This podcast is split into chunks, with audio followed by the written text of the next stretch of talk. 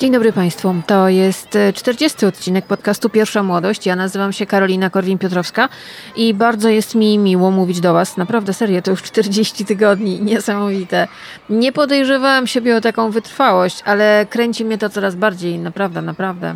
Przypomnę, że premiera mojego podcastu jest w każdy piątek o godzinie 18 na Spotify, na Apple Podcast, na Google Podcast i na moim kanale na YouTube. I przypominam także z wielką dumą i radością, że podcast ten mm, może powstawać dzięki patronom patronom z Patronite, którym bardzo dziękuję za to, że ze mną są, że mnie wspierają. I przypominam także, że patroni e, z Patronite od progu 25 co tydzień mają w swoich e, skrzynkach bardzo wypasiony newsletter i różne dodatkowe rzeczy.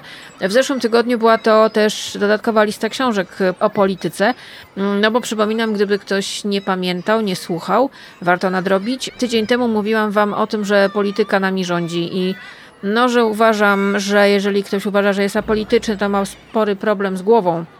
Bo niestety możesz mówić, że nie interesujesz się polityką. Okej, okay, takie twoje prawo, ale pewnego dnia, nawet codziennie, polityka może zainteresować się tobą. Co będzie dzisiaj? Zaczął się rok szkolny, dzieciaki poszły do szkoły. Za chwilę na studia przyjdą, wrócą albo przyjdą mm, na pierwszy rok studenci. No i edukacja. Edukacja to jest jeden zresztą z takich flagowych tematów y, kampanii wyborczej, którą zaczęłam trochę śledzić, no bo 15 października, gdyby ktoś jeszcze nie pamiętał, nie wiedział, nie zauważył, są wybory.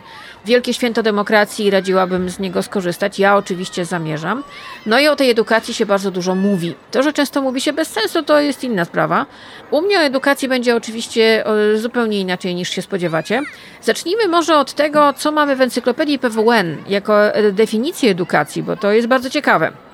Z łaciny educatio, wychowanie, wykształcenie. Wychowanie, kształcenie, ogół czynności i procesów mających na celu przekazywanie wiedzy, kształtowanie określonych cech i umiejętności. No i to jest bardzo ciekawa sprawa, to przekazywanie wiedzy, kształtowanie określonych cech i umiejętności. Pomyślałam, że jest taki film, który bez żadnej przesady, najmniejszej przesady, jest y, filmem mojej młodości. I niedawno go sobie odświeżyłam i jeszcze raz obejrzałam e, przed podcastem. I pomyślałam sobie po pierwsze tak, dzisiaj już takich filmów naprawdę nie robią, nie ma krzty przesady w tym, naprawdę nie powstają już takie dzieła. Nie tylko dlatego, że nie ma już Robina Williamsa, chyba już wiecie o jakim filmie mówię, ale też myślę, że ten sposób narracji dzisiaj w świecie, który unurzany jest w takim streamingowym szajsie, który jest jednakowy, kolorowy, bling, bling, bling, i po prostu przelatuje przez nas jak niezbyt dobrze strawione jedzenie, no to ten film, który każe się nam zatrzymać, wzruszyć, zaczekać, przyjrzeć, no jest czymś absolutnie niezwykłym. Ten film to Stowarzyszenie Umarłych Poetów, proszę Państwa. Film nakręcony w 1989 roku. Jego reżyserem jest Peter Weir.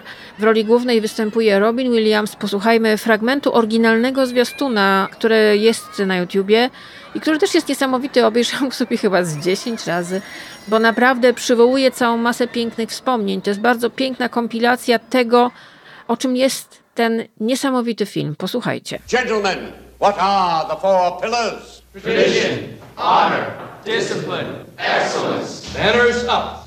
Welton Academy for Boys, a breeding ground for the future leaders of America. An institution dedicated to achievement, virtue, and conformity. A school whose rigid standards are upheld by every single teacher. Except one. Come on, Mr. Overstreet, you twerp. Mr. Anderson, are you a man or an amoeba? Language was developed for one endeavor, and that is... To communicate. No!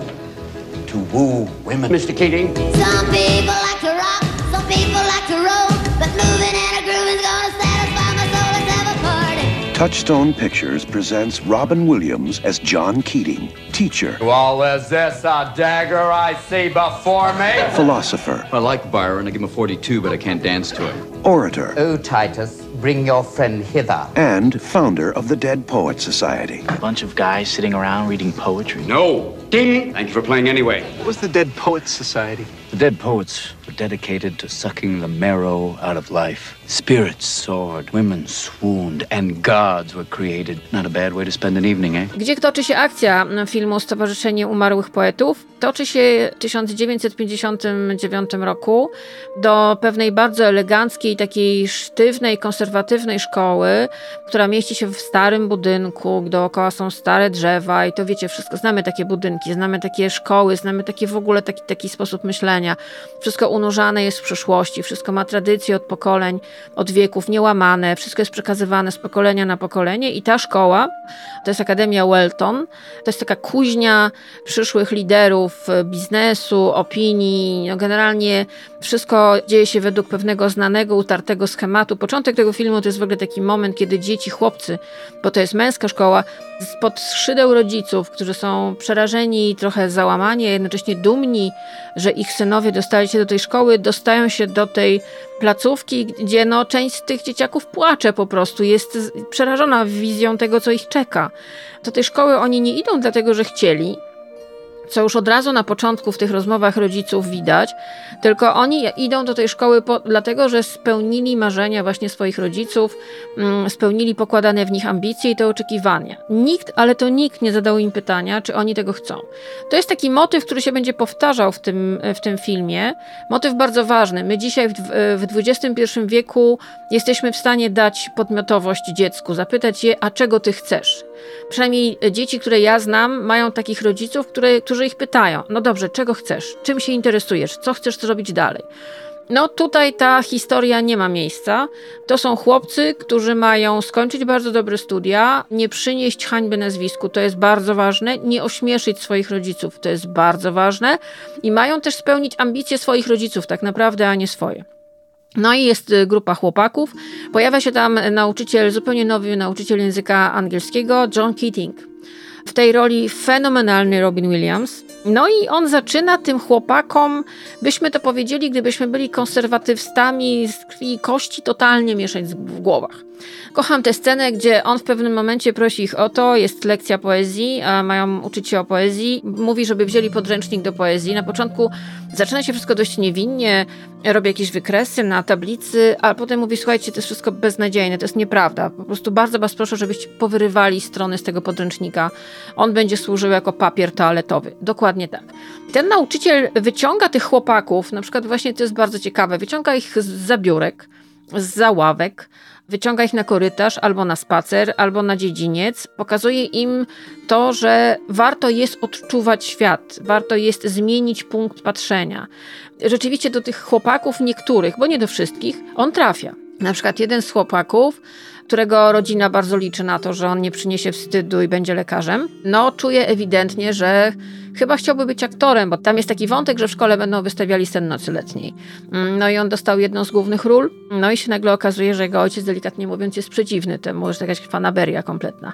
Mało tego, co jeszcze robi Robin Williams, co tak naprawdę myślę, że John Keating filmowy, co tak naprawdę wielu nauczycieli mogłoby ściągnąć od niego. Tam jest taki moment, że jest lekcja o Szekspirze, czyli generalnie wszyscy mamy ochotę wyskoczyć przez okno, no bo jak weźmiemy to do ręki, to tak naprawdę nie wiemy o co w tym chodzi, ten język jest bardzo skomplikowany, Czasami trudno się do tego dogrzebać. Nie udawajmy, że wszyscy to znamy, czytamy i lubimy. Co robi Keating? Przedstawia im, mm, swoim studentom, swoim uczniom fragmenty dzieł Szekspira czytane w manierze różnych aktorów, od między innymi Marlona Brando i Johna Wayne'a. Co nagle okazuje się prostsze, łatwiejsze i to jeżeli nie czytasz tego w sposób nudny i taki rytmiczny, bezosobowy, bezemocjonalny i nagle, nagle się okazuje, że te słowa naprawdę ożywają i naprawdę czujesz wielkość pana Williama Szekspira. No i rzeczywiście tam jest też ten jeden słynny moment, pojawia się wiersz, który zresztą ja nie ukrywam, znalazłam go dopiero po obejrzeniu tego filmu. Dla mojego pokolenia ten film był po prostu czymś niesamowitym. To jest ten wiersz Walta Whitmana o kapitanie, mój kapitanie. To jest rzeczywiście niesamowita poezja, ale o tym za chwilę. Posłuchajmy jeszcze z fragmentu zwiastunu filmu Stowarzyszenie Umarłych Poetów. Oczywiście e, patroni dostaną link do niego. To nie jest tak łatwo go znaleźć. Troszkę poszperałam, znalazłam. Trochę zapomniany jest ten film. A ja bym go puszczała na początek każdego roku szkolnego, dlatego że to jest tak naprawdę film o tym, że warto się uczyć. Ja wam mówiłam na początku tego, tego podcastu, jak zaczęłam go robić, że ja lubię słowo edukacja, ja się lubię uczyć, ja się lubię dowiadywać nowych rzeczy. I uważam, że żyjemy w niesamowitych czasach, gdzie ta wiedza jest naprawdę na wyciągnięcie ręki i naprawdę na jedno kliknięcie w komputerze. I ona jest. Czasy, które opisuje Stowarzyszenie Umarłych Poetów, film Petera Weira, to są trochę może inne czasy, ale to też jest, cała ta opowieść jest opowieścią, która osnuta jest wokół sposobu zdobywania wiedzy życiowej, naukowej, merytorycznej. Ten film o tym jest. Posłuchajcie, to jest jeszcze mm, fragment zwiastunu. He began by teaching English. Now he's changing lives. I got the part! Tear out the entire introduction. Who put you up to it? Was it this new man, this, uh, Mr. Keating? Are we just playing around out here? Or do we mean what we say? Tradition, honor, discipline. Rip, shred, tear. What is this Dead Poet Society? I want names. This is a battle, a war, and the casualties could be your hearts and souls. For the first time in my whole life, I know what I want to do. Medicine, law, business, engineering, these are noble pursuits. Poetry, romance, love, these are what we stay alive for. That's beautiful. Sit down, Mr. Anderson. Carpe diem! Sit down. What the hell is going on here? Seize the day. Touchstone Pictures presents Robin Williams as John Keating. He was the inspiration that made their lives extraordinary. Dead Poets Society. O czym tak naprawdę mówi do nich Keating? Ja sobie posłuchałam teraz specjalnie przed podcastem i na przykład wiecie, no ja się po tym filmie nauczyłam mówić wszyscy umrzemy. Ponieważ e, rzeczywiście na chyba pierwszych czy drugich zajęciach Keating mówi do nich wprost, że to, co się, o im się teraz wydaje, że jesteście młodzi, jesteście silni w ogóle jesteście nieśmiertelni, nic bardziej mylnego, niedługo będziecie, uwaga, nawozem dla żonkili. I pokazuje im zdjęcia dawnych studentów tej szkoły. Jest tam takie miejsce na ścianie, wiszą te zdjęcia e, dawnych pokoleń, różnych właśnie klas.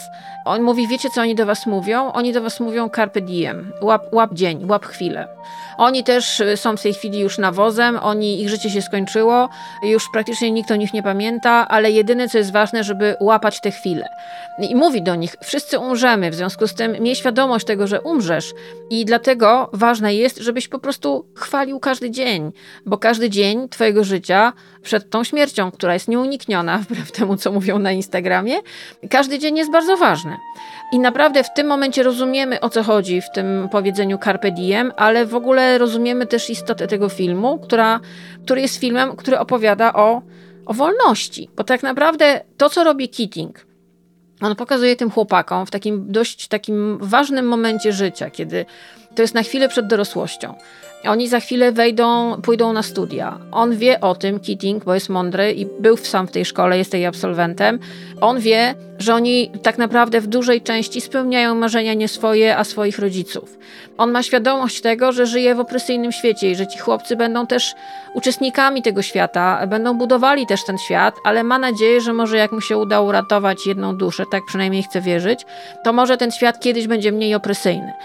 I na przykład mówi takie zdanie, że tylko w marzeniach człowiek może być wolnym. To jest wspaniałe zdanie, a jednocześnie bardzo gorzkie, bo on ma świadomość, że po pierwsze, nie można zrealizować wszystkich marzeń, ale ma też świadomość, że marzenia są siłą, e, że marzenia są, mogą być tym miejscem magicznym, do którego tylko ty masz wstęp, w którym będziesz absolutnie wolnym człowiekiem. No i rzeczywiście niesamowity jest ten moment, kiedy on staje na biurku w pewnym momencie i pyta się ich, wiecie dlaczego to zrobiłem? I oni powiadają, żeby być wyżej. Nie, Chodzi o to, że ja zmieniłem perspektywę patrzenia. I to jest rzeczywiście taki moment, który jak niedawno oglądałam ten film, to, to mnie gdzieś uderzyło na nowo, bo sobie uświadomiłam, że ja całkiem niedawno zmieniłam perspektywę patrzenia. Mm, nie wiem, czy inspirowałam się tutaj Keatingiem, aż tak daleko nie idę, ale e, rzeczywiście to jest takie pytanie, które wielu z nas może sobie zadać, praktycznie każdy. Kiedy ty, obywatelu, obywatelko, słuchaczko, słuchaczu tego podcastu, zmieniłeś perspektywę swojego patrzenia na świat? Czyli na przykład stanąłeś, stanęłaś na biurku, żeby spojrzeć na wszystko z góry, albo popatrzeć się do góry i zobaczyć, nie wiem, bliżej niebo, sufit, co tam masz nad głową. To jest rzeczywiście gdzieś piękna przenośnia, piękna opowieść o tym, że to miejsce, przy którym siedzisz i przy którym wydaje ci się, że jest wszystko super, czasami można zmienić po prostu dla sportu albo dla odkrywania nowych lądów, dla nowych doświadczeń i to jest naprawdę piękne. No i ten wiersz. Ten wiersz o kapitanie, mój kapitanie, to jest wiersz napisany w 1865 roku po zabójstwie 16 prezydenta Stanów Zjednoczonych Abrahama Lincolna. To może początek, przeczytam. Kapitanie, mój kapitanie, minął lęku czas. Nasz okręt rozbił mnogość fal, by dobyć z głębin skarb. Tak blisko port już słyszę dzwon i braw wzburzony huk. W źrenicach ich sunący kil i okręt, odwagi próg. Cóż za rozpacz, jaki strach, to z rany sączy się krew.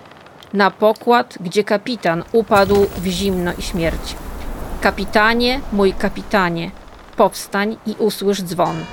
Ach, powstań, by ujrzeć flagi ruch. Dla ciebie trąby grzmot. Dla ciebie wieńce i kolor wstęg.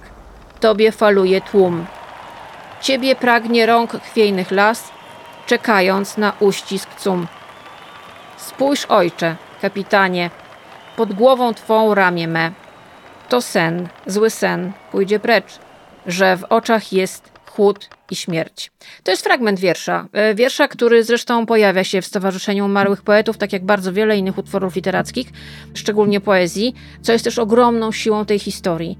Ale przede wszystkim siłą tej historii jest jej ostatnia scena. Pamiętacie, kiedy zmarł Robin Williams, popełnił samobójstwo, cierpiał na depresję praktycznie całe swoje życie.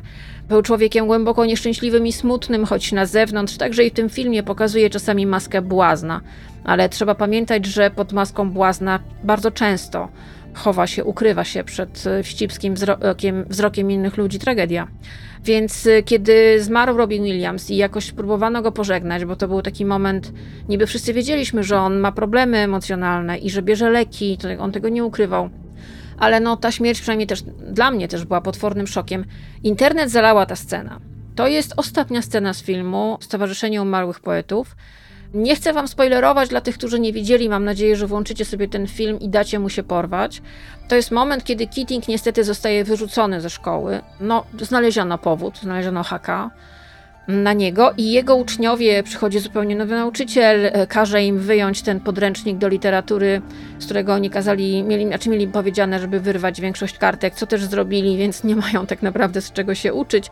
Ten nauczyciel mówi, otwórzcie na stronie takiej i takiej, wtedy wchodzi Keating po to, żeby zabrać swoje rzeczy. Mm, no i oni patrzą na niego takim wzrokiem przerażonym, smutnym, niesłychanie zbolałym.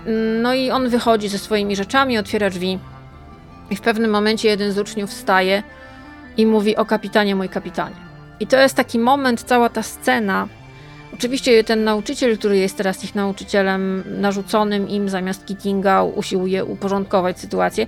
Nie do końca to się udaje, to jest eufemizm. Oczywiście nie wszyscy wstają na te ławki, bo nie zawsze tak jest, żeby wszyscy wstawali. Pamiętajmy o tym. Są tacy, którzy udają, że nic się nie dzieje i chowają głowę między ramiona. To też jest ich prawo, nie oceniajmy. Ale to jest scena niesamowita, bo ci chłopcy po prostu chcą go pożegnać, chcą mu podziękować za to, co im zrobił, a zrobił im to, że nauczył ich pytać, wątpić, nauczył ich mieć wątpliwości i nauczył ich też, powiedział im, co to tak naprawdę znaczy być wolnym człowiekiem. To są lata 60., pamiętajmy, początek lat 60. Nie mówię, że czasy zniewolone, ale czasy, kiedy no, y, ludzie mieli przynależne, przypisane z góry im role. Tak jak ci chłopcy, tak jak mówię, to była szkoła dla elity, szkoła, z której mieli wychodzić późniejsi liderzy biznesu, różnych nauk, ludzie, którzy mieli spełniać pokładane w nich nadzieje, nadzieje pokładane przez rodziców, przez matkę, przez ojca, przez poprzednie pokolenia ich rodzin, bo to nie są dzieci zwykłe, to są dzieci z tak zwanych bardzo dobrych rodzin. No i nagle przychodzi taki Keating, o którym można powiedzieć, że jest trochę hipisem i zaczyna im trochę, nawet bardzo, mieszać w głowach. Posłuchajcie, to jest jedna z najpiękniejszych scen filmowych, moim zdaniem, w historii kina. Ostatnia scena filmu Stowarzyszenie Umarłych Poetów w roli głównej Robin Williams. Posłuchajcie bardzo uważnie. Captain, my captain. Sit down, Mr. Anderson. You hear me? Sit down. Sit down. This is your final warning, Anderson. How dare you? Do You hear me? Oh, Captain, my captain. Mr. Overstreet, I warn you. Sit down. Sit down. Sit down. All of you. I want you seated. Sit down. Leave, Mr. Keating.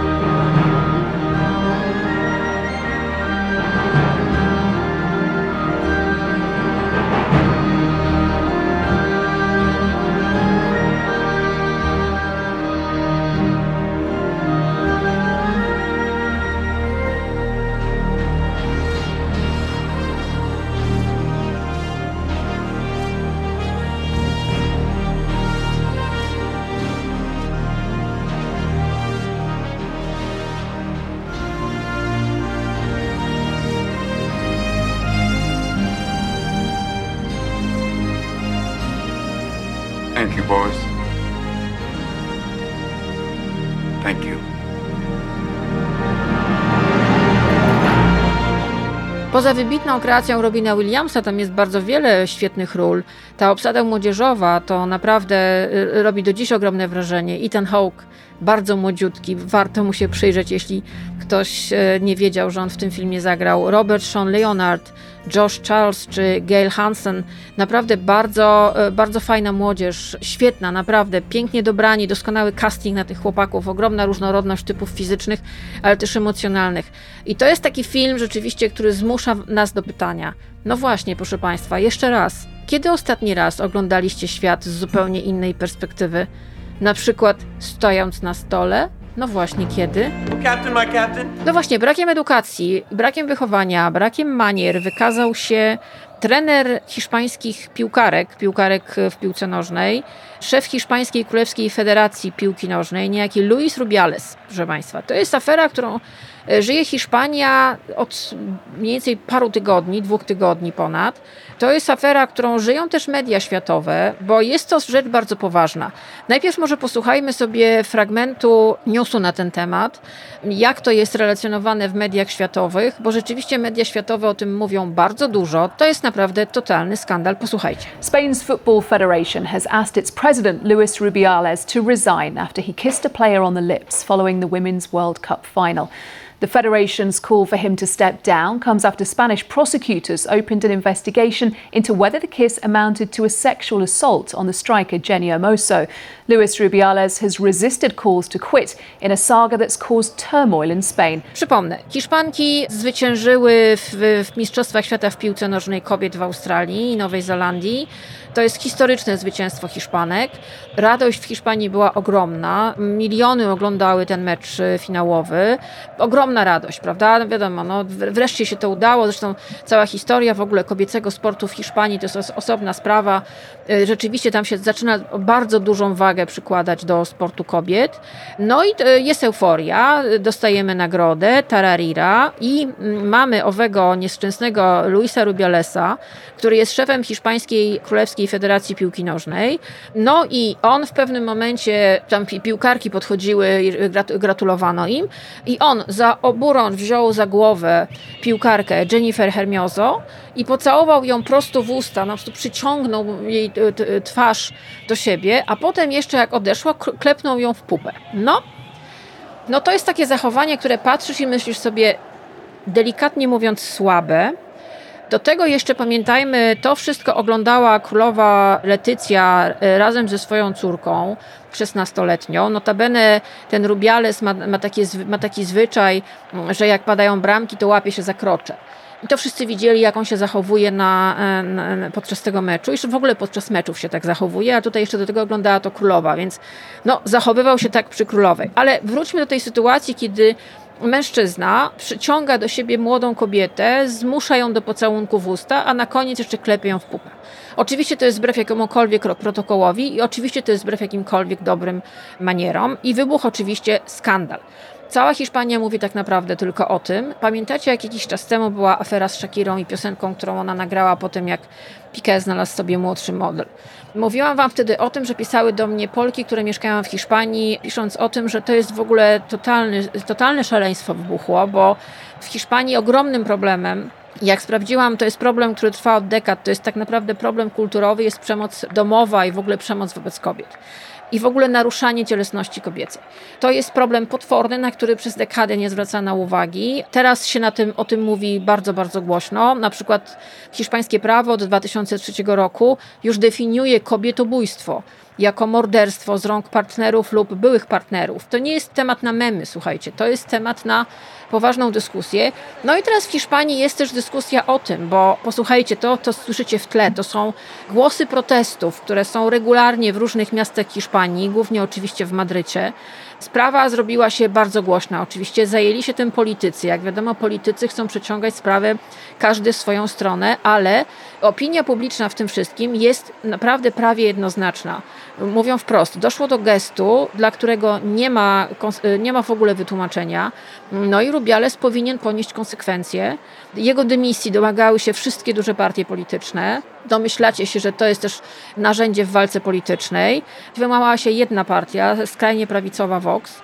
On został zawieszony przez FIFA Prokuratura hiszpańska weszła do akcji, będzie postępowanie wyjaśniające, no i zaoferowano też Hermioso możliwość złożenia doniesienia o popełnieniu przestępstwa napaści na tle seksualnym. Ale Rubiales się broni i teraz posłuchajcie, jak on się broni. Znaczy, to jest po prostu klasyczne odwrócenie i klasyczne odwracanie kota ogonem. On oczywiście mówi tak, że oskarżył Hermioso o kłamstwo. Potem e, stwierdził, że to tak naprawdę on w tym wszystkim jest ofiarą i tak naprawdę powiedział, że niechciany buziak uwaga tutaj cytat, to wina piłkarki, bo ta go podniosła. Hmm? Choć na nagraniu widać, że to on tak naprawdę ją unosi kolejno te, te piłkarki, do, do, te, na siłę je przytula. Oczywiście wyciągano różne tam filmiki, na, e, które się pojawiły w mediach społecznościowych, które, e, no, gdzie te piłkarki mówią między sobą, że to oczywiście było nie wiem, gdzieś tam śmieszne, bo są memy w internecie, ale tak nie powinno być, tego, tego pocałunku powinno nie być. Na jednym z tych e, filmików Hermioso mówi, że sobie nie życzyła tego, że w ogóle nikt jej nie zapytał, że nie czuła się z tym dobrze, że nie powiedziała, że to jest okej. Okay. Oczywiście Rubiales interpretuje te filmiki w zupełnie inny sposób. Ja Was zachęcam bardzo, żebyście sobie posłuchali podcastu Raport o stanie świata Dariusza Rosiaka z dnia 2 września. Patroni dostaną link do tego, gdzie jest bardzo duża rozmowa z twórcą działu zagranicznego. Bardzo dobry też podcast, dział zagraniczny. Maciej Okraszewski opowiada o tym, o tym, co się tak naprawdę tam stało i właśnie daje tę perspektywę społeczną, socjologiczną, że to jest kolejna historia, która dzieje się w Hiszpanii, która doprowadza do tego, że ludzie wychodzą na ulicę i mówi się, że to jest hiszpańskie mitu. Ludzie widzą, że te granice trzeba postawić. I to jest naprawdę bardzo ważne. Tak sobie czytałam e, te materiały o tej aferze w Hiszpanii, sobie pomyślałam, że przecież w Polsce w ostatnich latach była cała masa tego typu historii. Można przypomnieć, no, niecały rok temu posłanka Katarzyna Kotula mówiła o tym, co się działo w Polskim Związku Tenisowym. E, opowiadała o tym, jak była molestowana. Całkiem niedawno w TVN24 oglądałam materiał o tym, jak e, dziewczynki były molestowane, obłapiane podczas obozów jeździeckich. No, na przykład e, piłkarki Kotwicy Kurnik, drużyna doniosły na swojego trenera, który został skazany na 3 lata więzienia za wielokrotne seksualne wykorzystywanie małoletnich zawodniczek. Wiecie, sprawa jest poważna. To nie jest tylko tak, że to się dzieje w Hiszpanii, dlatego wam o tym mówię. To się dzieje wszędzie i fajnie, że kobiety podnoszą głowę i fajnie, że się o tym mówi, a co jest ważne, to nie jest temat na memy, to jest temat do poważnej dyskusji. Don't Oj, to właśnie tak mi się skojarzyło, żeby właśnie nie zadzierać z kobietami i jak już nie zadzieramy z kobietami, to przejdźmy do Emmy Thompson, lat 64, wyjątkowo powiem ile ma lat, hmm, chociaż pamiętajmy, że wiek to jest tylko liczba, a PESEL to też tylko jakaś tam cyferka i generalnie nie ma co się przejmować, ale słuchajcie, ona ostatnio została zaproszona na Międzynarodowy Festiwal Filmowy w Wenecji, pojawiła się tam na pokazie Giorgio Armaniego między innymi e, specjalnym, no i słuchajcie, powiedziała znowu coś, co jest jak balsam na nasze ciała i na duszę, ale przede wszystkim na nasze ciała. Otóż poproszono ją, żeby powiedziała, jakiej rady dałaby sobie młodszej. To jest takie pytanie, które często pada i zwykle padają jako odpowiedź jakieś głupotki. No ale w wypadku Emmy Thompson to jest bardzo ciekawe, bo ona powiedziała po pierwsze tak. Gdyby mogła się cofnąć w czasie do siebie młodszej, to bym powiedziała tak. Musisz zarabiać własne pieniądze, mieć konto w banku i wydawać pieniądze na to, co chcesz i jak chcesz. Nigdy się nie pozbywaj tej swojej siły, ona wręcz tak mówi. Potem dodaje, nigdy nie idź na dietę, to strata czasu. Szczupłość to kult śmierci. Zawsze akceptuj swoje ciało. Nie musisz go kochać czy nienawidzić. Bądź dobra dla niego, bo to twój dom. Pamiętaj też, że dobro jest wszędzie. Bądź dobra dla siebie. Opiekuj się sobą. To jest forma rewolucji. Zresztą posłuchajcie. Hello everyone. Um... I'm Emma Thompson, and I am delighted to be obviously in Venice, which is the most beautiful place on earth, at the Diane von Furstenberg Awards for Leadership in Women. So I'm trying to think back to my youth, which is quite a long time ago now, and what it was important for me to do in order to stay sane and, as DVF always says, in charge. The first thing for me was you have to earn your own money. You have to earn your own money and you have to have your own bank account. You know, that is yours. Money in your purse is what you've earned and you spend it in the ways that you want to spend it. You never give up that right, that that power. Uh, you never go on a diet. It's a waste of time and it's a death cult, thinness. So you don't do that ever. You always accept your body. You don't have to love it, you don't have to hate it, but you always have to accept it and be kind to it because this is your home. You have to live in it all your life, so be kind. I think it's always good to remember there's there's good everywhere. There really is. Be strong and be kind to yourself, and remember that uh, looking after yourself is a form of revolution. Ona już wcześniej mówiła e, przy promocji filmu Powodzenia Leo Grande, przypomnę, bardzo dobre kino na dwie osoby o kobiecie, która w pewnym momencie zyskuje radość seksu bo sobie wynajmuje chłopaka, który ją tego seksu uczy i obudzi w niej coś, czego do tej pory nikt niej nie obudził, a już na pewno nie były mąż.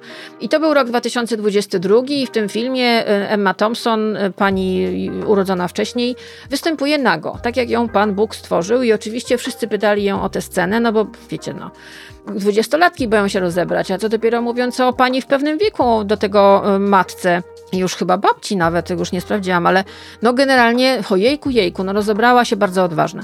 I ona rzeczywiście, Emma Thompson, jako kobieta wybitnie inteligentna i obdarzona ogromnym poczuciem humoru, wykorzystała też promocję filmu Powodzenia Rio Grande na to, żeby mówić o ciało pozytywności, ale w taki bardzo fajny, nie narzucający się, niedydaktyczny, ale taki bardzo ludzki sposób. I ona mówi, powiedziała wprost w tym wywiadzie, który za chwilę usłyszycie, mały fragmencik, że ona zaczęła nienawidzić swoje ciało, kiedy miała 14 lat i ma świadomość, że dziewczynki w wieku lat 8 już chcą iść na dietę. Ja znam taką jedną dziewięciolatkę, tak, to prawda, one chcą iść na dietę coraz wcześniej. A ona mówi wprost, Emma Thompson, pani urodzona wcześniej, z, z Oscarem na półce i uwielbiana przez wszystkich, to jest strata czasu. Martwienie się o swoje ciało w ten sposób jest absolutnie stratą czasu. Nie ma powodu ani sensu oceniać swojego ciała, zresztą posłuchajcie sami. I started hating my body when I was about 14. and I think those neural pathways are, are, are kind of well, well, you know, well kind of carved into my soul. Um, and I know we laugh, but you think of all those eight-year-olds out there going, I don't like my thighs. Yeah. Um, what and would you you, realize, want to say to that 14-year-old who started to hate don't waste your time. Don't waste your life's purpose worrying about your body. This is your vessel, it's your house, it's where you live. Mm-hmm. You don't there's no point in judging it. Absolutely no point. But it's very hard. yes. No i w kolejnym talk show Emma Thompson też mówi o tym, jak można podejść do swojego ciała. To jest kontynuacja tego, co wam puściłam na początku Emma Thompson z Wenecji. I to jest tak trochę zagrane, podgrane przez nią. Na pytanie właśnie o, o cielesność ona mówi tak, no kobiety patrzą w lustro i widzą coś, co jest złe i brzydkie, no bo tak mamy to wdrukowane, prawda? No i co teraz z tym zrobić? No i tutaj Emma Thompson wchodzi na wodę aktorstwa. Stracić całe życie na martwienie się o swoje ciało. Jaki to świetny pomysł, jakie to zabawne. Posłuchajcie. Always looking in the mirror and going, that's just wrong. what can I do? I'm going to, I know what I'm going to do. I'm going to waste my, my passion, my energy, my curiosity, my money and my life's purpose worrying about my body. That's what I'll do. What a good idea. Welcome. Yes, let's do that. It's so much fun. Nie na darmo jest teraz Emma Thompson, ponieważ w moje ręce trafił dość przerażający artykuł. Artykuł z, maga z magazynu The Economist, którego tytuł brzmi, uwaga, Ekonomia szczupłości. Jak ja to zobaczyłam, to od razu wzięłam, zaczęłam to sobie tłumaczyć. I zaczęłam szukać, bo tam była cała masa różnych odnośników, i to jest, proszę Państwa, o tym, że tak. No, oczywiście ekonomia to jest taki temat, który wszystkich teraz bardzo mocno grzeje, bo każdy z nas ma prawie kredyt w banku, kartę kredytową i w ogóle wszystkiego dosyć, bo jak słyszy hasło inflacja, ekonomia, to mu się czarno przed oczami robi. Ale teraz y, mówimy o ekonomii wagi. Ekonomia wagi jest coś takiego, bowiem mówi się, że, i to się rzeczywiście pojawia taki temat, jak czytam media modowe, no, że tak naprawdę te body positive to jest, taka, to jest taki plasterek leciutki, to jest taki mm, modowy greenwashing, bo tak naprawdę znowu pojawiają się na, na wybiegach, ja o tym mówiłam, dziewczyny w rozmiarze minus zero po prostu. To trochę się o tym mówiło, trochę się pokiwało paluszkiem, pogroziło paluszkiem branży, no ale nic się tak naprawdę nie zmieniło. Okej, okay, pojawiają się czasem jak wisienka na torcie, dziewczyny w jakimś większym rozmiarze, czyli w tak zwanym normalnym, czyli takim jak chodzi cała ulica, ale to głównie po to, żeby mówić, nie no, proszę, my coś robimy w tej sprawie, to przecież jak to nie możecie nam mówić, że my jesteśmy tutaj, że my dyskryminujemy ludzi w rozmiarze większym niż zero albo dwójka. No ale się okazuje, że ten pozorny ideał piękna, ideał szczupły, o którym też mówiła Emma Thompson, to nie jest tylko takie widzimy się na obrazku, modeleczka, coś tam. Nie. To jest, sięga znacznie głębiej i na przykład okazuje się, słuchajcie, że The Economist y, w tym artykule pisze o zależnością między szczupłością a bogactwem. Znaczy jest takie, takie zdanie, które, które niektórzy lubią powtarzać, że nie jest się ani za szczupłym, ani zbyt bogatym i że rzeczywiście ja też słyszałam kilka razy w życiu coś takiego, że no nie, no, no kobiety są szczupłe, bo je po pierwsze na to stać, ale po drugie one też mają takie wymagania wobec siebie, tak, tak sobie takie wymagania są im stawiane i one same o, oczywiście sobie stawiają, no bo nie słuchają Emmy Thompson codziennie na śniadanie, na pewno. Ale możemy się z tego śmiać, ale nie zmienia to faktu, że słuchajcie, są badania. To są badania, co prawda z 2014 roku, na które się The Economist podaje, powołuje. Autorką badania jest niejaka Jennifer Shinall, która jest profesorką prawa z Vanderbilt Law School i ona y, sprawdziła, że otyłe kobiety zarabiają średnio 9 tysięcy dolarów mniej niż ich szczupłe koleżanki, a kobiety z większą nadwagą zarabiają 19 tysięcy dolarów mniej niż, niż ich szczupłe koleżanki. To dotyczy też kobiet na stanowiskach kierowniczych. Jakby je zważyć, to one generalnie wszystkie są szczupłe. Odwrotnie jest u mężczyzn oczywiście. Mężczyzna sobie może ważyć 155 kg i nikt mu nie będzie zwracał uwagi na wagę, natomiast kobiecie oczywiście natychmiast się to wytknie. I to jest rzeczywiście, ja czytałam ten artykuł lekko przerażona, bo po pierwsze, znaczy, ja wiedziałam o tym, że moda ściemnia i nie miałam złudzeń co do tego, że jak mamy okładkę body positivity czy coś tam, to oczywiście dalej nie będzie 20 stron reklam z reklamami gabinetów medycyny estetycznej, gdzie możesz się po prostu odessać, żeby być po prostu super szczupłą, ale na okładce mamy body positivity, ok? Kochaj siebie.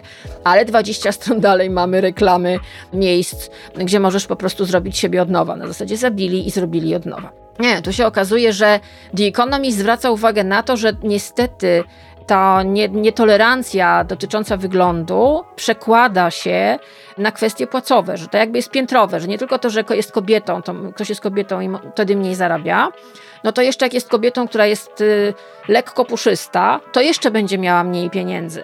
Nie ukrywam, to jest coś, co czytasz i po prostu nie wiesz, co masz zrobić. Ręce ci opadają i, i nie ma jak tego zinterpretować, bo niestety wnioski z tego artykułu są takie, że możemy sobie opowiadać i robić różne rzeczy, i robić kampanie, i robić okładki, i mówić ludziom, żeby o siebie dbali, ale żeby też siebie kochali i żeby siebie nie krytykowali. Ale w momencie, kiedy, słuchajcie, jest kobieta, która nie wiem, wyobraźcie sobie hipotetycznie sytuację. No, że ona jest super zdolna, ma niesamowite kompetencje i w ogóle. I na przykład, gdzie ja miałam taką koleżankę. Ona y, pracuje w Nowym Jorku i ona rzeczywiście poczuła y, jakby presję tego, że jak y, dostała pracę w dobrym miejscu w Nowym Jorku, nie powiem gdzie, to stwierdziła, że musi sobie zrobić nową twarz, że musi schudnąć 10 kilo, kupiła bieliznę obściskającą, zrobiła siebie po prostu od nowa. Znaczy rzeczywiście to był taki makeover, że szczęki opadały, ale ona poczuła, że jeżeli jest kobietą na kierowniczym stanowisku w Stanach Zjednoczonych, to ona musi po prostu dobiec do pewnych standardów wyglądowych, a to nie była jakaś, wiecie, biedna, głupia dziewczyneczka.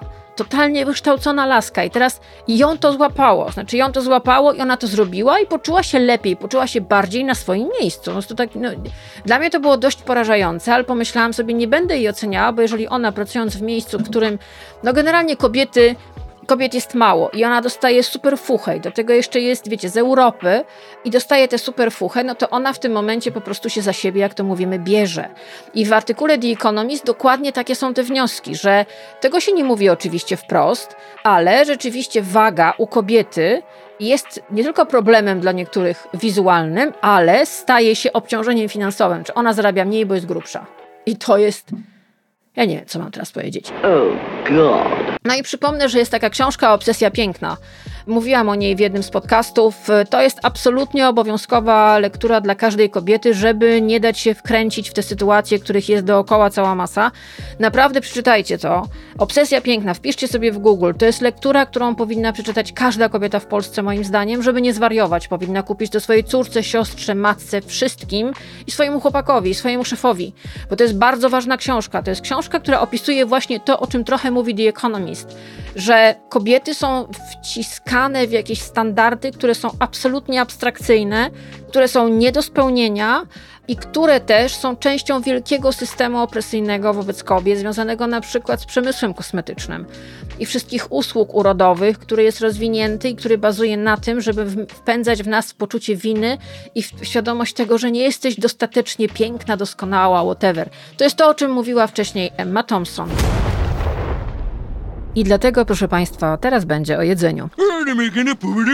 Mam w ręku książkę, którą sobie jakiś czas temu kupiłam. Nawet nie wiedziałam, że cały czas wydają. Lucynę Ćwierczakiewicz. Jedyne praktyczne przepisy, proszę Państwa. E, Lucyna von Bachmann, Primowoto-Staszewska, Sekundo Ćwierczakiewiczowa, urodzona 17 października 1826, zmarła 26 lutego 1901 w Warszawie. No i przede wszystkim to jest kobieta, którą, no ja muszę przyznać, wspominam od dzieciństwa, ponieważ u nas w domu, do tej pory ją mam, mamy taką starą kucharską książkę Ćwierciakiewiczowej taką bardzo grubą, naprawdę niesamowitą. Ja mam schowaną w takim specjalnym pudełku, bo ona się już rozpada, jest otłuszczona na bokach, no bo rzeczywiście gotowano z niej. Ale to była taka książka, która myślę, że obok Biblii była w każdym polskim domu, naprawdę. No bo rzeczywiście Ćwierciakiewiczowa jest postacią niezwykłą, nie tylko na polskim rynku, ale w ogóle, bo ona była publicystką, była kobietą, która pisała książki o prowadzeniu gospodarstwa domowego, książki kucharskie, pisała książki poradnicze i wyobraźcie sobie, że ona się sprzedawała znacznie lepiej niż Mickiewicz i Słowacki na przykład. Znalazłam informację o tym, że ona pod względem nakładów książek no, przewyższała wielokrotnie Słowackiego i Mickiewicza, no bo podejrzewam, że no jednak ludzie woleli wiedzieć czasem, co ugotować i jak dobrze się najeść, niż y, powzruszać się y, emocjonalnie. No takie prawo. I przede wszystkim ona też no, dbała na przykład o kulturę fizyczną, była, była w ogóle feministką. Uważała, że y, kobieta powinna pracować, że kobieta właśnie to, co mówiłam wam, posłuchajcie znowu Emmy Thompson, powinna zarabiać swoje własne pieniądze, że też miała w ogóle bardzo odważne, jak na ówczesne czasy, poglądy na kwestie czystości zdrowia i higieny. No i rzeczywiście ona była takim autorytetem, możemy powiedzieć, na ówczesne czasy. Bardzo promowała zruch, gimnastykę, co nie było znowu tak powszechne wśród kobiet w tamtych czasach. No ale przede wszystkim to są te książki kucharskie. To są te książki kucharskie, które jak się czyta te przepisy, to człowiek naprawdę nie wie, co ma zrobić ze sobą, bo jest po prostu głodny. Ja nie ukrywam, jestem teraz głodna, ale napiję się herbatki. No dobra. Słuchajcie, zaznaczyłam sobie coś. A propos tej ekonomii, chudości i w ogóle, wiecie, byłam dzisiaj na targu, nakupowałam owoców wspaniałych, gruszki, klapsy, śliwki, węgierki, jabłka. No to jest ten fenomenalny moment, kiedy wchodzisz na bazar i on po prostu uderza w ciebie wszystkimi możliwymi kolorami. No to ilości kolorów pomidorów naprawdę rozwaliły mnie na łopatki. Uwielbiam ten moment. To jest piękny moment w roku. To i taka wiosna, kiedy pojawiają się pierwsze nowaliki. No i uwaga, słuchajcie, śliwki węgierki. No bo nie ma polskiej kuchni, moim zdaniem, bez powideł śliwkowych. No i proszę Państwa, tutaj na stronie 57. Ja z góry, przepraszam, że będę coś uderzała i że będą może jakieś odgłosy, ale zmieniłam statyw do mikrofonu i zobaczymy, jak nam to wszystko wyjdzie, bo chodzi o to, żeby było jednak wygodniej. Uwaga, uwaga.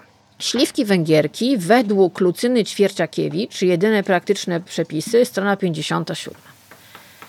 Jesteście głodni, bo ja bardzo. Śliwki węgierki smażyć można na konfiturę ze skórką lub oparzone i obrane ze skórki.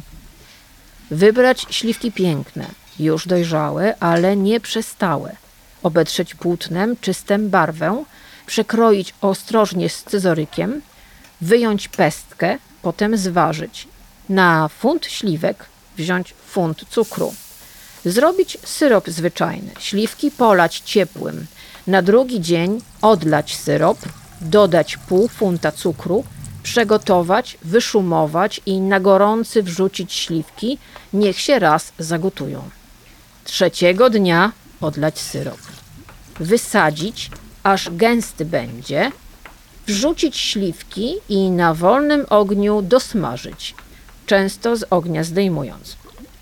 Na drugi dzień, ślinę przełykam, na drugi dzień dosmażyć jeszcze z 5 minut, bo zawsze zwodnieją, a na trzeci schować w słój.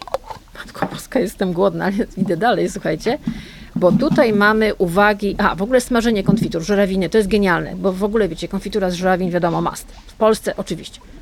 Żurawiny. Strona 64. Wybrać tylko zdrowe i duże jagody. Ponakalać je cienką szpilką i nalać zimną wodą. Na drugi dzień odlać wodę i nalać świeżą. Na trzeci powtórzyć to jeszcze raz.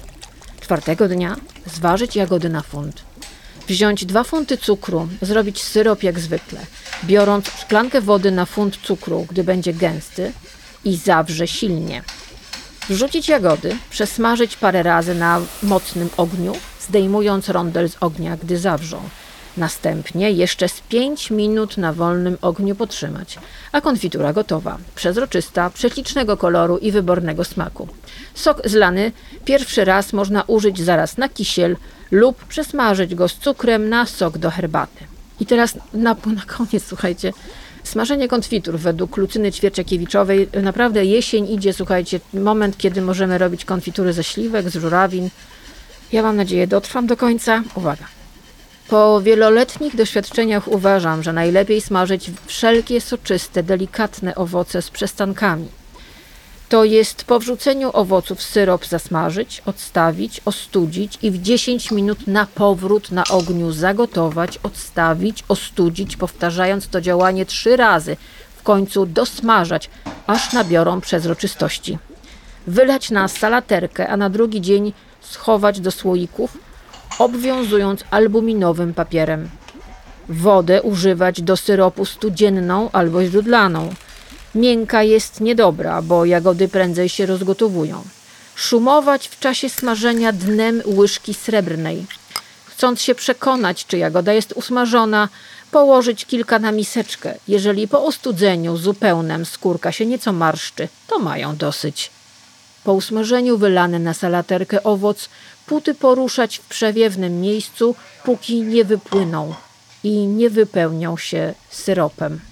Nie wiem jak wy, ale ja mam usta pełne śliny. Słuchajcie, Lucyna Ćwierciekiewiczowa, sięgajmy do wspaniałych... Okej, okay, ktoś powie, że to jest niezdrowe. Dobra, niech będzie, że to jest niezdrowe. Naprawdę całe życie nie może być dietą. Serio, serio, serio. No i teraz na koniec, będziemy się już zbliżali do końca. Historia związana z, też postanowiłam wam o tym opowiedzieć, bo tak się zastanawiałam, mówię, opowiedzieć czy nie opowiedzieć, ale pomyślałam sobie, dobra, no. Mówię o tym sharentingu i piszecie do mnie, że to jest ciekawa sprawa i podsyłacie mi na przykład przykłady swoich znajomych. Na szczęście nie są to celebryci, na szczęście nie macie znajomych celebrytów i bardzo dobrze. Ale też widzę na przykład na Instagramie, na kontach prawniczych pojawia się hasło sharenting. Ludzie piszą, co to jest. Na szczęście się o tym bardzo dużo mówi, bo to jest y, duży problem XXI wieku i duży problem ludzi, którzy mają konta w mediach społecznościowych i na tych kontach są dzieci bo to jest problem bardzo wieloznaczny. Mówiłam Wam o tym, że dorosłe dzieci blogerów i influencerów z początku wieku, i one już dorosły, i one teraz bardzo często albo mają problemy psychiczne, albo emocjonalne, albo w ogóle są osobami rozwalonymi, ale też często po prostu podają do sądu swoich rodziców za utratę prywatności. I to się dzieje coraz częściej i mają te dzieciaki do tego prawo. Mało tego, dochodzi też, są procesy, ktoś do mnie napisał, wysłali link, jeszcze muszę to dokładnie zweryfikować, historia o tym, że dzieciak y, żąda od rodziców zwrotu pieniędzy, które zarobił jako dziecko, będąc gościem ich bloga. To też trzeba to brać pod uwagę. Jeżeli masz dziecko, które wykorzystujesz do zarabiania pieniędzy, to według prawa po pierwsze ono nie powinno pracować, po drugie te pieniądze powinny być gdzieś dla niego odkładane, jakby jesteś po prostu normalnym człowiekiem, a nie, że dzieciaka zapędzasz do pracy na rzecz całej rodziny bo to się potwornie na nim odbije. Makalaj Kalkin daje tutaj lajka. To jest dziecko, które było zapędzone do pracy na rzecz całej swojej rodziny. Jego brat Kiran o tym też mówił. I on naprawdę utrzymywał mamusia, tatusia, wszystkich utrzymywał. No i było mu potem bardzo trudno się uporać z tym wszystkim, co zrobiono mu w życiu. Ale teraz, słuchajcie, jest afera, którą żyje cała Ameryka. Zresztą może, co ja wam powiem. Posłuchajcie, to jest fragment Good Morning America o historii, która mrozi krew w żyłach. The arrest of a popular YouTube mom known for her strict parenting style now under suspicion of child abuse. ABC's Zareen Shah is back with more on that. Zareen, good morning once again. Yeah, well, this is just a shocking story. And for the first time, we're hearing 911 responders and their horrifying descriptions of that child. And the mom of that kid touting herself to millions as being a parent coach that others should emulate. Wyobraźcie sobie sytuację, że jest pani blogerka, która ma na YouTubie, słuchajcie, na Instagramie parę milionów followów, która jest kobietą, która mówi innym, jak mają wychowywać swoje dzieci. Nazywa się Ruby Franke. I ona publikuje w sieci porady dla rodziców i słuchajcie, została aresztowana pod zarzutem znęcania się nad dziećmi.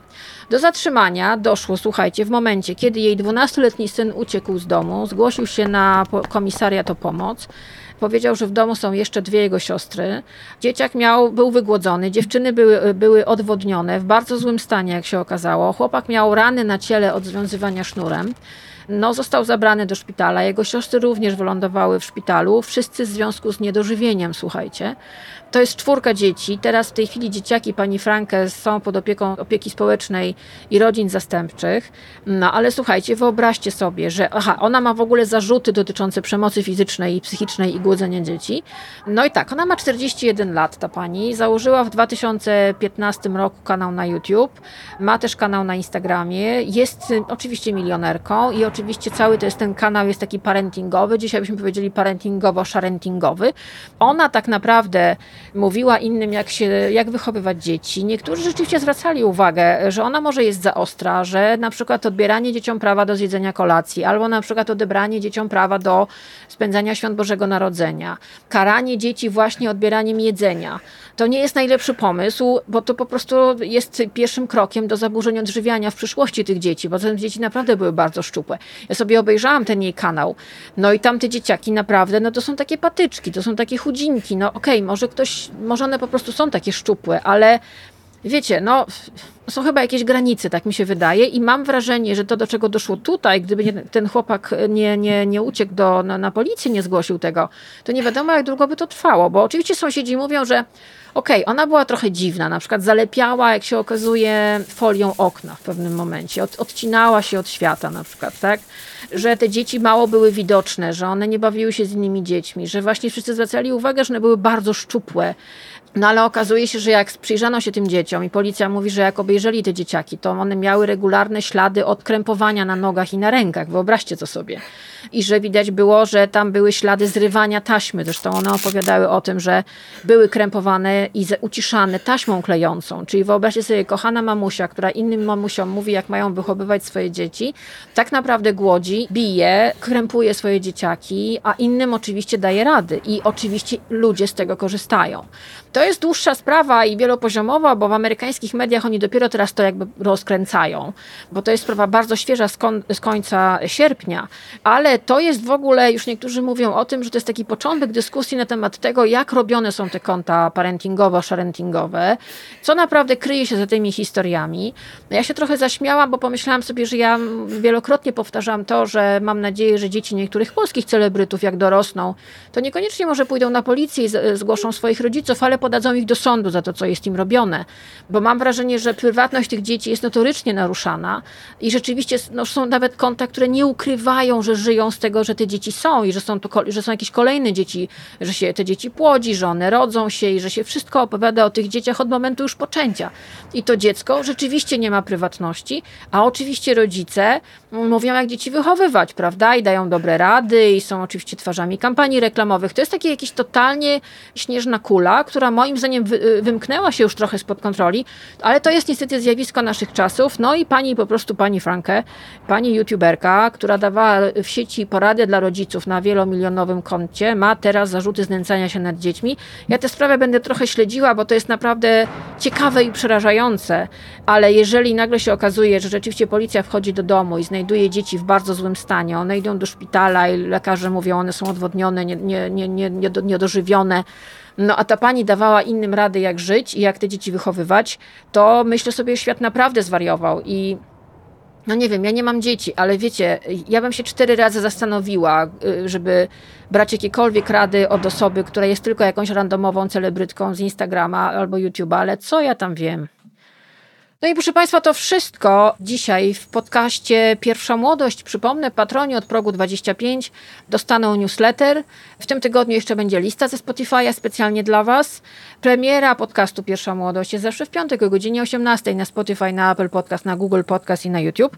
Bardzo Wam dziękuję za szerowanie, podawanie dalej. Jeżeli macie jakieś e, inspiracje, pomysły dla mnie, to podrzucajcie, bo na przykład pani Frankę trafiła do mnie dzięki kilku moim fankom, które mi przysłały w praktycznie w jednym czasie artykuły ze Stanów o tym, zresztą jeszcze okraszając to swoimi opowieściami, bo rzeczywiście w ogóle w Stanach te konta parentingowe, jak one mi piszą, że to jest jakaś, to jest w ogóle cały, znaczy mówiłam o tym, że one zarabiają ogromne ilości pieniędzy, że to jest w ogóle ogromna taka działka, Zresztą jest książka na ten temat, która już niedawno do mnie przyszła, ale jeszcze jej nie przeczytałam, o tym w ogóle, jaki to jest biznes na byciu matką, jaki, jaki robią kobiety teraz. To ma swoje dobre i złe strony, bo nie ma nic złego w zarabianiu, bo wiecie, wstyd to jest kraść, a nie zarabiać. Tylko pytanie oczywiście, jak to się robi.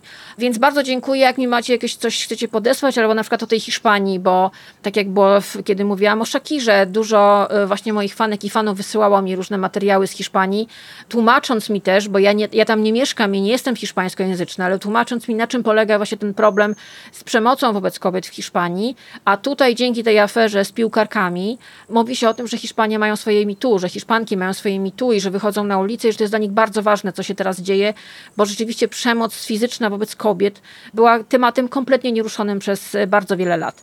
Także jeszcze raz, patroni dostaną newsletter, tam będą linki do wszystkich rzeczy, o których mówiłam dzisiaj w programie i będzie też lista ze Spotify'a i to wszystko na dzisiaj, a na koniec, no myślę, że jedyne, co mogę teraz dać, żebyśmy się troszeczkę uspokoili. Te powidła śliwkowe to ja naprawdę chyba muszę zrobić. I na koniec, Vivaldi, jesień. Do usłyszenia za tydzień.